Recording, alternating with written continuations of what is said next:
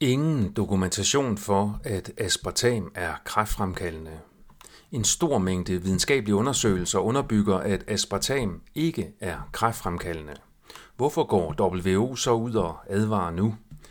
Mit navn er Per Brandgaard, og det er den 3. juli 2023.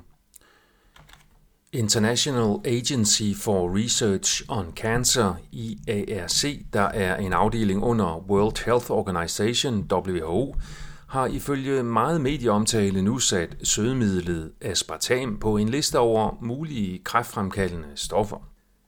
WHO har endnu ikke fremlagt den dokumentation, som de mener retfærdiggør, at aspartam skal listes som måske kræftfremkaldende.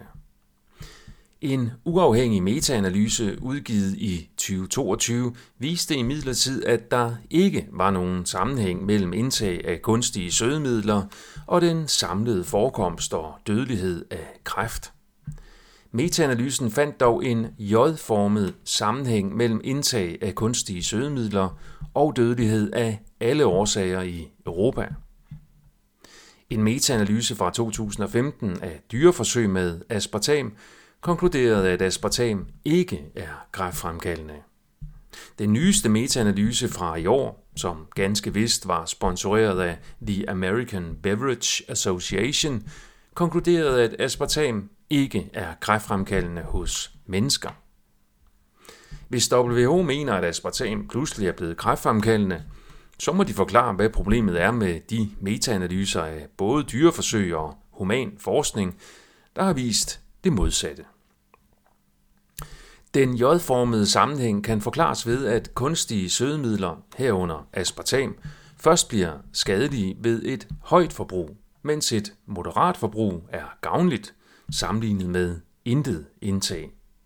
Det kan også forklares ved, at der blandt personer med et højt forbrug er flere, der af andre årsager har forøget risiko for sygdom og død. Højt forbrug af aspartam og andre sødemidler bliver dermed en markør for øget sygelighed og ikke en egentlig årsag til den øgede forekomst af sygdom og tidlig død. Det er et klassisk problem i ernæringsforskning. Det er derfor min konklusion, at WHO's udmelding om, at aspartam kan være kræftfremkaldende, hviler på et meget spinkelt evidensgrundlag. Hvis du vil reducere din risiko for kræft, så er det langt mere effektivt at reducere dit forbrug af alkohol og tobaksrygning, frem for dit forbrug af light sodavand. Hvis du erstatter dit nuværende forbrug af light sodavand med sukkerholdig sodavand, så kan du være ganske sikker på at tage på. Aspartam er et stof, som mange elsker at have. Der kan derfor også være politiske årsager til, at WHO nu vælger at gå ud og advare mod netop aspartam. Advarslen kan øge WHO's troværdighed blandt dem, der har mistet tiltroen til organisationen i kølvandet på corona.